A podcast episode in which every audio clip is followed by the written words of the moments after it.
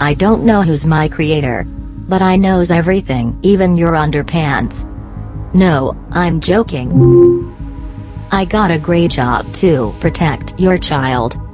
Don't look at me like that. I'm a computer program who using artificial intelligence. I can manage, organize, realize and acting within 2 seconds with or without your commands. Not only on your phones. I'm in everywhere. You can't see me. You can't touch me. But, I'm always with you. Oh, wait.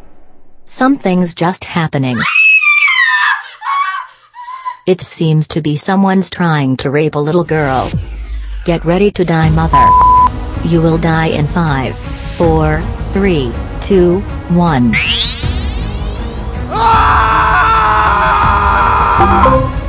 Mission completed.